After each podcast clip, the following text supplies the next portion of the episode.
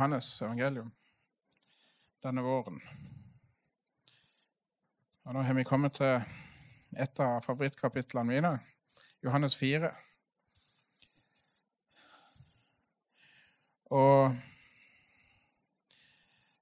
det er så mange gullkorn i denne historien.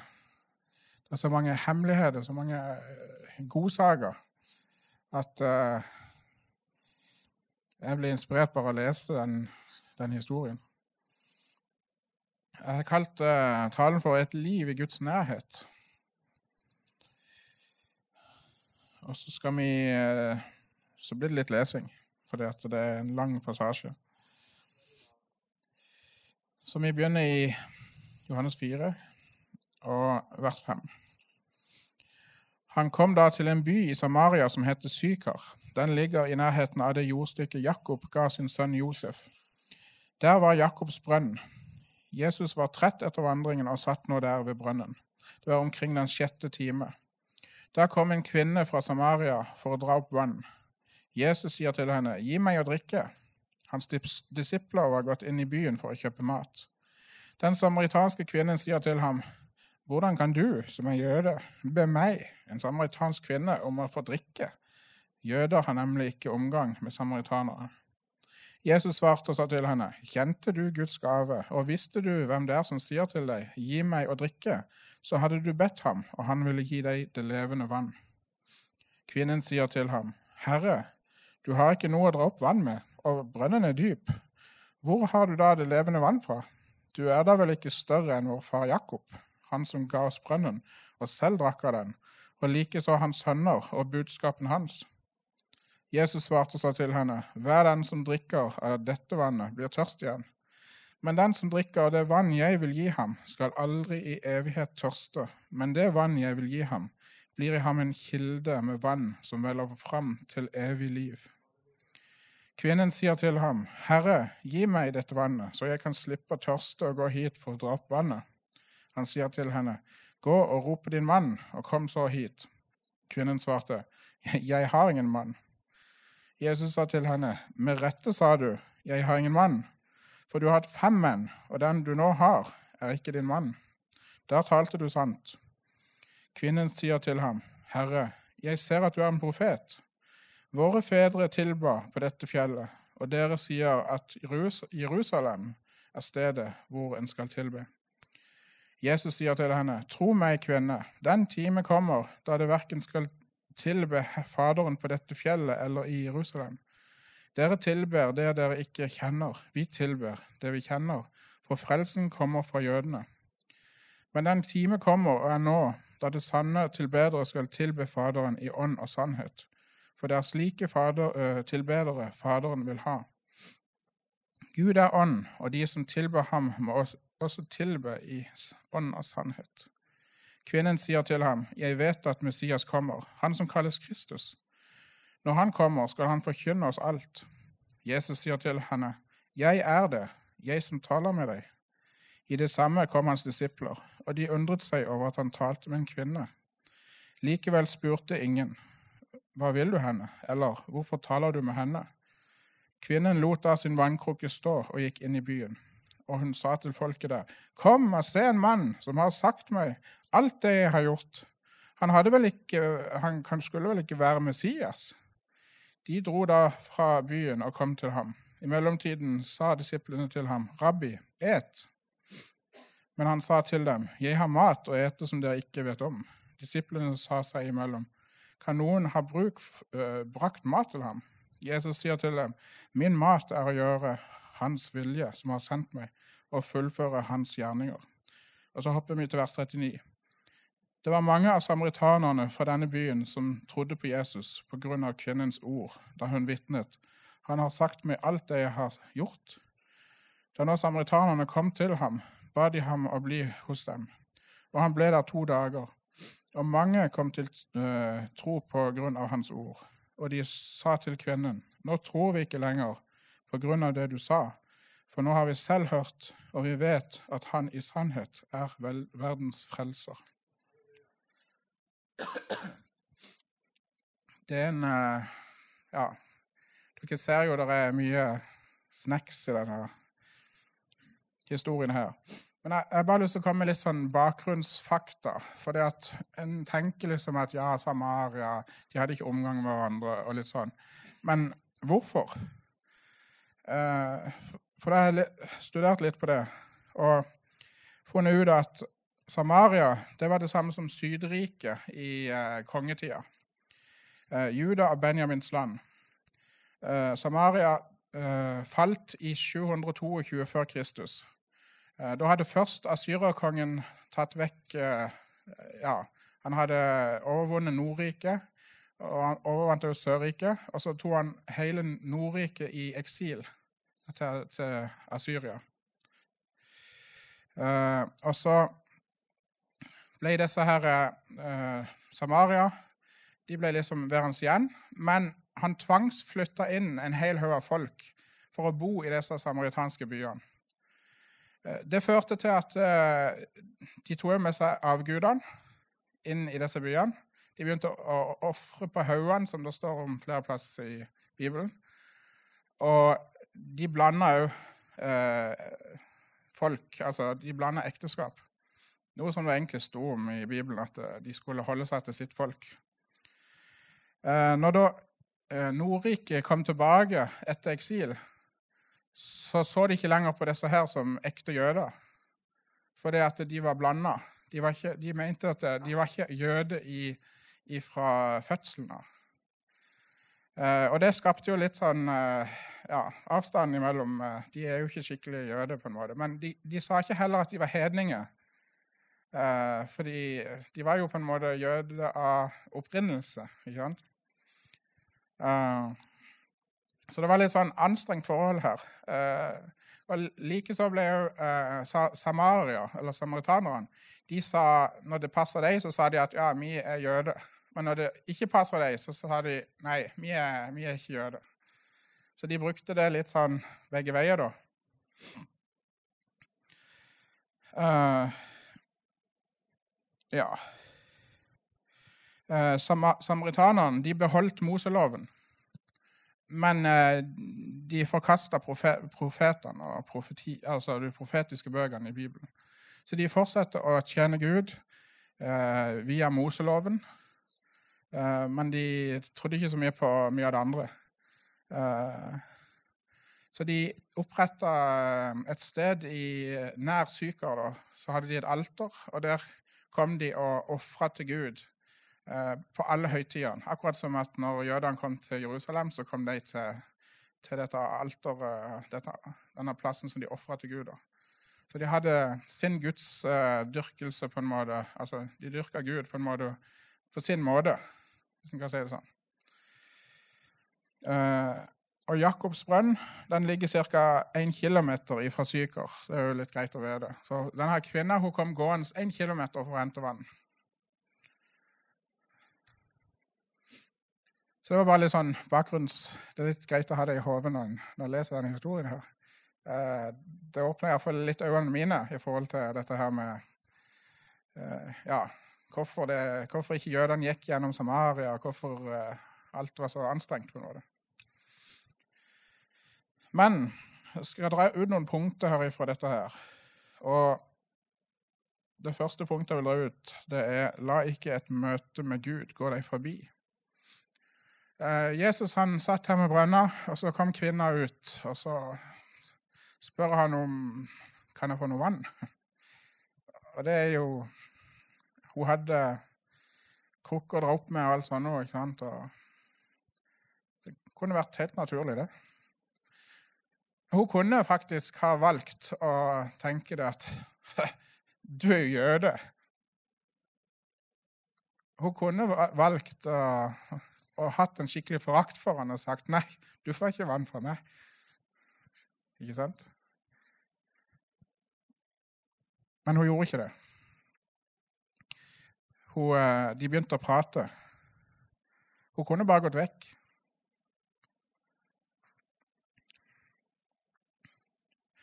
Hun kunne tenkt at eh, hva er han her gjør? Skal han belære meg?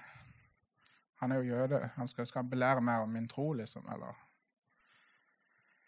Uh,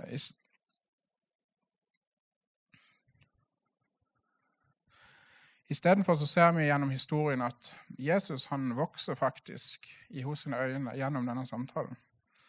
Vi ser at i begynnelsen så, så er han bare en jøde som hun forakter. Uh, ja, en som hun egentlig ikke vil ha noe med å gjøre, på en måte. Men.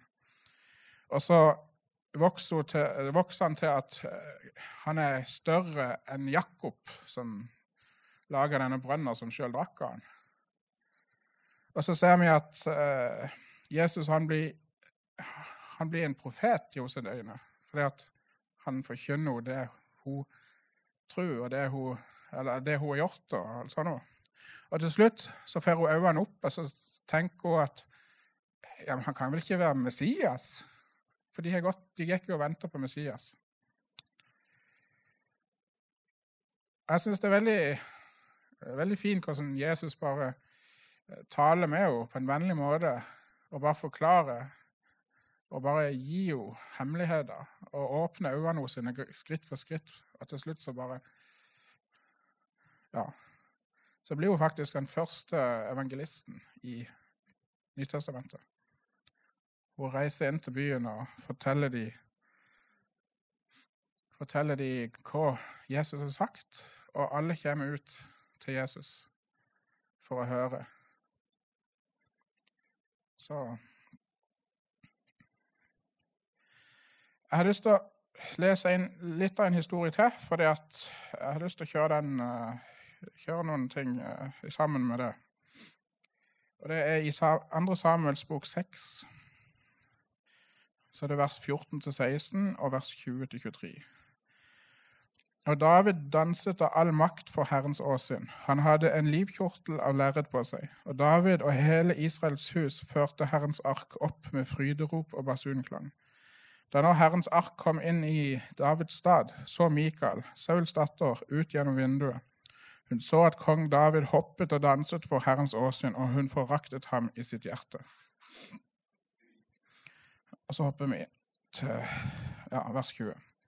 Da David kom hjem for å velsigne sitt hus, gikk Mikael, Sauls datter, ut imot ham og sa, hvor, hvor høyt Israels konge er blitt æret i dag. Han som i dag har blottet seg for øynene på tjenestejentene til tjenerne sine, slik som simple folk pleier å gjøre. Da sa David til Mikael, for Herrens åsyn, han som utvalgte meg fremfor din far og fremfor hele hans hus og satte meg til fyrste over Herrens folk, over Israel. For Herrens åsyn har jeg danset, og jeg vil gjøre meg enda ringere enn så om å eh, bli liten i mine egne øyne. Og da tjenestepikene du talte om, sammen med meg ville jeg æres. Men Mikael, Sauls datter, ble barnløs til sin dødsdag. Jeg syns dette er litt sånn historie som går litt eh, Ja, har litt sånn connection til den andre historien. Men eh, Mikael hun sto og så på David, at David dansa for Herrens åsyn. Og hun kunne valgt å ta del i det. Hun kunne valgt å gripe sjansen. Hun kunne valgt å, å la denne her eh, Ja Denne sjansen eh, til å, til å, virkelig oppleve Gud og oppleve Guds velsignelse. Hun, hun kunne grepet sjansen, men hun gjorde det ikke. Hun forakta David. Hun så, ikke, hun så ikke poenget med det han gjorde, rett og slett. Og hun ble faktisk barnløs til sin dødsdag. Og I tillegg så, så mista hun den velsignelsen hun kunne hatt av å være med sammen i Guds nærvær. For det var arken som ble, kom inn til, til Jerusalem. Det var arken. Det var Guds nærvær. Det var det som symboliserte Guds nærvær, som kom, ble båret inn i Jerusalem. Men isteden så, så var det forakt. Dersom vi respekterer det Gud gjør iblant dere, så blir vi velsigna. Gud gjør mange ting på forskjellige måter. Uh, ja Gud møter folk på forskjellige måter. Det, det har vi sett. Eh, noen eh, begynner å grine. Noen begynner å le. Noen begynner å rope. Noen detter. Noen blir bare stående. Eh, ja, det er veldig mange måter å møte Gud på. Men jeg tror det at vi skal være forsiktige med å kritisere hvordan Gud beveger seg. For vi vet ikke om det er ekte eller ikke. Og Vi kan kanskje tenke av og til at ja, men det der det må jo bare være for å vise seg. Men Gud virker på forskjellige måter. Jeg vil bare at vi skal ha det litt i hodet. For det, jeg har sett alt for mange som, eller hørt altfor mange som kritiserer det Gud gjør. Og det er farlig. Hvis vi begynner å kritisere det Gud gjør, så tror jeg aldri vi vil få møte med Gud på den måten sjøl. Vi begrenser Gud. Vi begrenser Den hellige ånd. Vi begrenser det Gud gjør iblant dere. Og det skal vi være litt forsiktige med, tror jeg.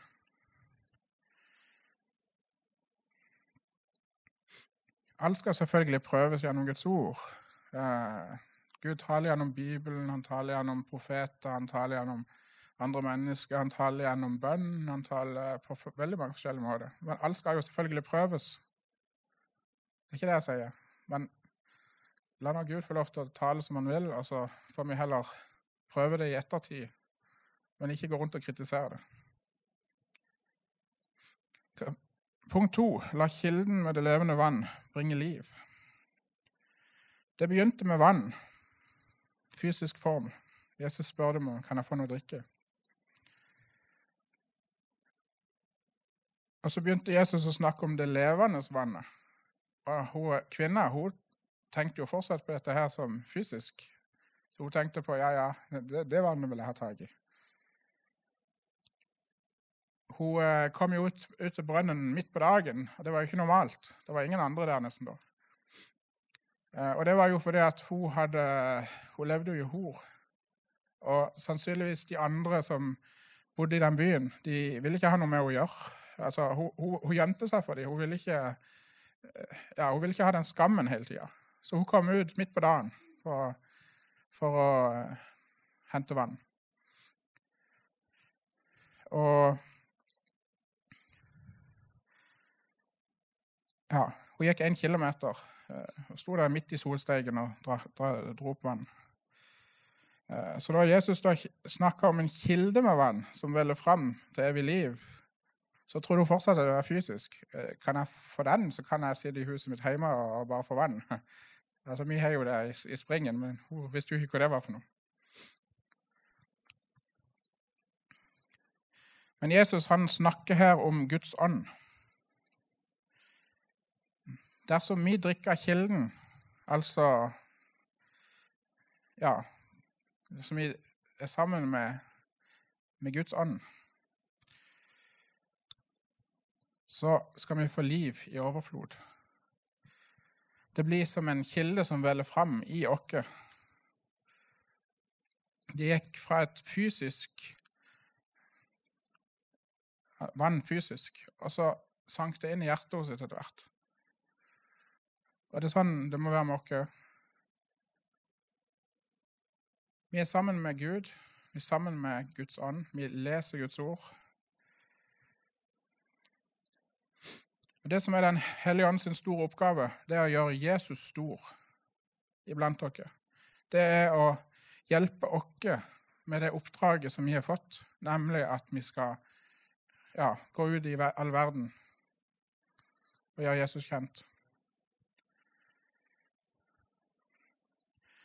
Guds ord er en dårskap for de som går fortapt, står det i første Korinterbrev.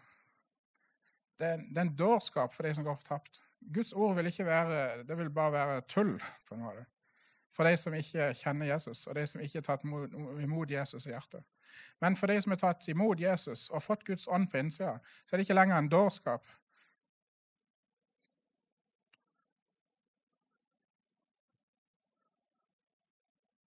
Det er ord til liv.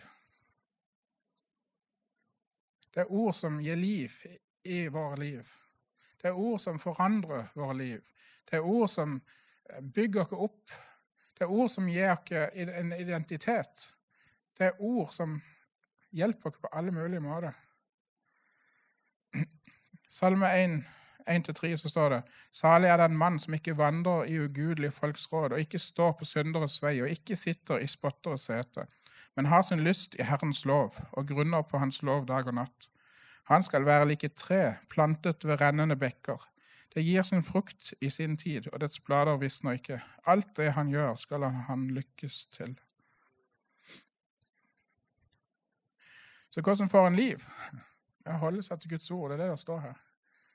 Hvis vi holder med hvis vi leser Guds ord jevnlig, grunner på Hans ord, går og tenker på Hans ord, at Hans ord blir en del av, av vårt sinn, av vår tanke, så skal vi bli som trær som er planta med rennende. Og trær som er planta med rennende de er friske. De eh, vokser godt. De har liv. Ja? Så det er dette, det denne kilden som Jesus snakker om. Det er kilden med å være sammen med Ånden i fellesskap og gjennom Guds ord og bønn.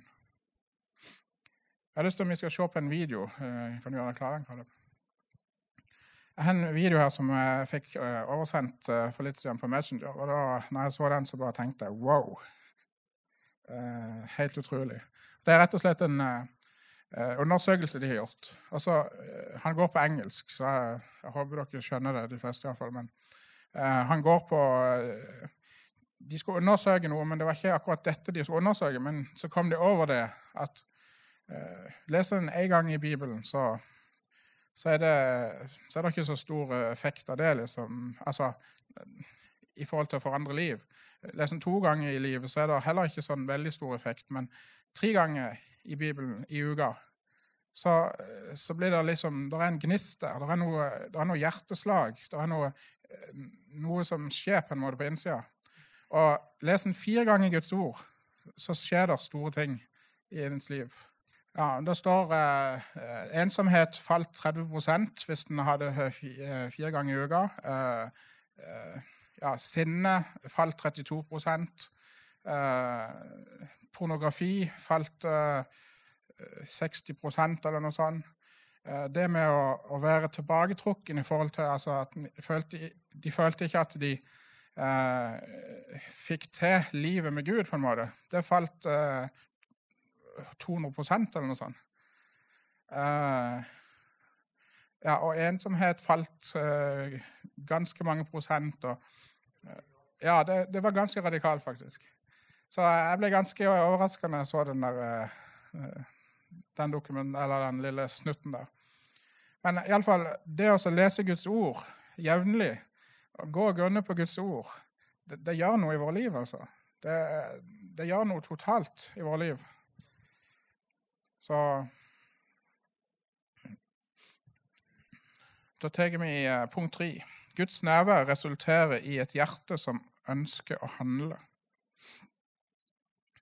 Denne kvinnen ble jo den første evangelisten, som jeg sa, i Nytestamentet. Uh, hun gjenger ut og forteller dem. Hun, selv om hun egentlig så tror jeg ikke hun uh, hadde lyst til å gå og fortelle dem, for hun ble jo forakta på en måte i samfunnet. Men hun gjorde det likevel. Hun fikk en, eh, en frimodighet til å bare gå ut og uh, fortelle dem dette som hadde skjedd. Dele, dele et vitnesbyrd, egentlig. Uh, og Hvis vi går til David David var en handlingens mann. Han hadde virkelig respekt for Gud. Uh, og når han var blitt konge, så førte han paktsarken opp til Jerusalem. og da var det var glede Uh, han gjorde en stor forskjell for Israel når han var konge. Og vi er kalt til å leve et liv der vi gjør en forskjell. I våre omgivelser, i Lyngdal, så er vi kalt til å gå rundt og gjøre en forskjell. Vi, vi skal ikke være noen som bare ja, forsvinner liksom ned sånn at ingen ser oss, liksom. men vi skal vi kan gjøre en forskjell. Eh, Jesus gikk rundt og gjorde en forskjell. Han, han forkynte evangeliet. Han, han helbreda syke. Han satte fange fri. De som var undertrykte, de satte han fri. Han gjorde en forandring. Og jeg tror det at når en lever i Guds nærhet, når en lever med denne her kilden, lever i Guds ord, så skjer det noe på innsida. Det skjer noe i hjertet. Noe som vokser fram. Noe som ønsker å bare dele det videre. Og det tror jeg denne her kvinnen opplevde. Og I Matteus 28, 18 så står det og, jeg, og Jesus trådte fram, talte til dem og sa:" Meg er gitt all makt i himmel og på jord. Gå derfor ut og gjør alle folkeslag til disipler idet dere døper dem til Faderens og Sønnens og Den hellige ånds navn, og lærer dem å holde alt det jeg har befalt dere. Og se, jeg er med dere alle dager inntil verdens ende. Hvor henne kommer frimodigheten ifra? Jo, at vi kjenner hvem vi er i Kristus. Og hvordan kjenner vi hvem er i Kristus? Jo, det er jo gjennom Guds ord, som jeg sa. Og Johannes 1 sier at i begynnelsen var Ordet, og Ordet var hos Gud, og Ordet var Gud. Og Så står det videre en plass at og Ordet ble kjød og tok bolig iblant oss. Så Guds ord Jesus ble Guds ord. Guds ord og Jesus er identisk på en måte. Så Derfor så kan vi si det at Guds ord Når vi leser Guds ord, så leser vi Jesus. Når vi leser Guds ord, så, så leser vi hvordan Jesus var, hva han gjorde. Eh, han er vårt eksempel. Det er han som vi skal speile oss i.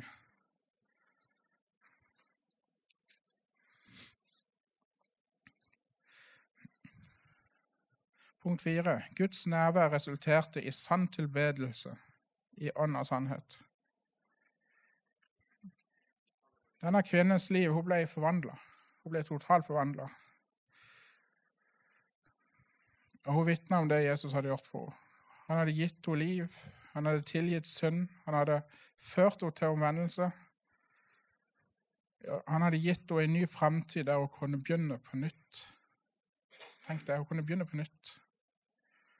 Samaria ble sannsynligvis forvandla med at folk begynte å følge Jesus og begynte å vitne om Jesus. Jeg har hørt om hørt forkynnere som har vitna om at det er kvinner som har ikke vært frelst. De har levd i hor. Og så har de kommet inn i menigheten, og så har de blitt frelst, og så har de tenkt at å nei, hvordan skal det, hvordan, hva gjør jeg nå? Jeg er jo levd i resten av livet. Jeg har lyst til å leve rent, liksom. Og så har de eh, rett og slett eh, Hele jomfrudommen, eller jomfruheten, har blitt eh, gjenoppretta. Det har jeg faktisk hørt om. Så Gud ønsker at vi skal kunne starte på nytt. Uansett hva vi har gjort, så er det en ny start. Det gamle er forbi. Se, alt er blitt nytt. David han gjorde noe som mange ville sett ned på. Kanskje i menigheten òg. Han dansa for, foran arken, helt vill, i, under kjortelen, var det ikke det? Eller i kjortelen, rett og slett. Men det var, det var en sånn glede og begeistring av Gud. Og Gud var så sterkt over han at han han gjorde noe helt ikke logisk.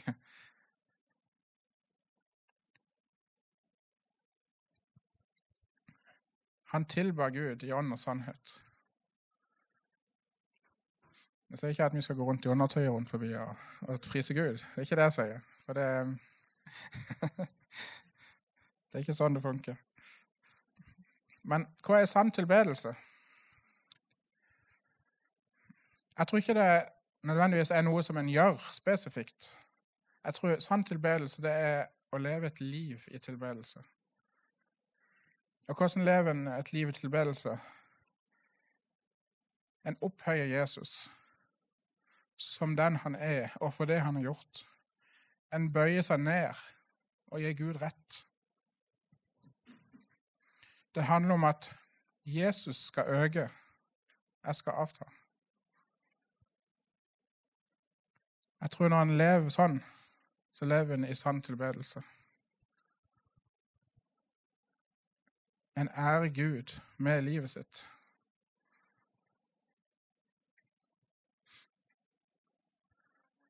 Og det er sånne tilbedere Faderen vil ha.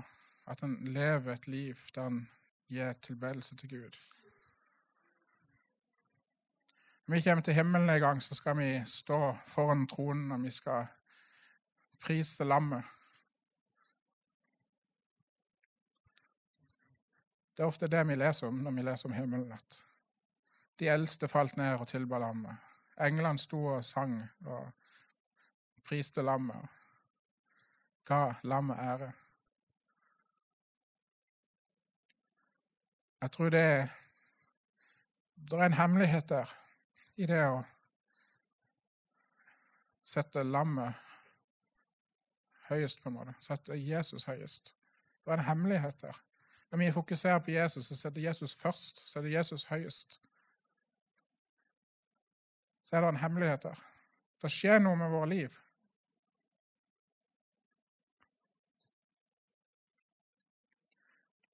Og jeg tror det, det er noe som vi må Ja. Jeg merka det sjøl de siste ja, to årene noe sånt at jeg har lest veldig mye i Guds ord og hørt mye forkynnelse. Jeg merker det at det, det skjer noe på innsida. En, en, merker Gud er der og gjør noe. Jeg har alltid tenkt det at For jeg, jeg, fikk, jeg fikk, et kall da jeg var 13 år om å forkynne. Jeg har alltid tenkt det at ja, men Gud, når skal, tid skal jeg liksom komme skikkelig inn i dette her kallet mitt? ikke sant? Og, og Gått og tenkt sånn overfor Gud hele tida. Og jeg har nok ikke vært klar. Men, men jeg har merka de siste to årene sånn at Gud har bare gjort noe inn i mitt liv som gjør at uh, jeg kjenner at ja, nå begynner det å boble. Da skjer det noe. Da skjer noe. Og det er Guds timing som er viktig. Så hvis du, hvis du har et kall over livet ditt ja, eh, Får en profeti, et kall eller et eller annet sånt, så en vet, jeg vet ikke når det skal skje, på en måte. Ikke sant? Det, et kall kan, eller en profeti kan, kan profetere over neste dag, neste uke, neste år. Det kan være om 10 år, det kan være om 20 år, det kan være om 30 år. ikke sant? Men om en bruker den tida som en, som en har, til å gå inn i Guds ord og forberede seg, les, lese Guds ord, vær nær Jesus, vær nær kilden, så tror jeg virkelig at, at Gud gjør noe. Han får løst noe, òg tjenestemessig.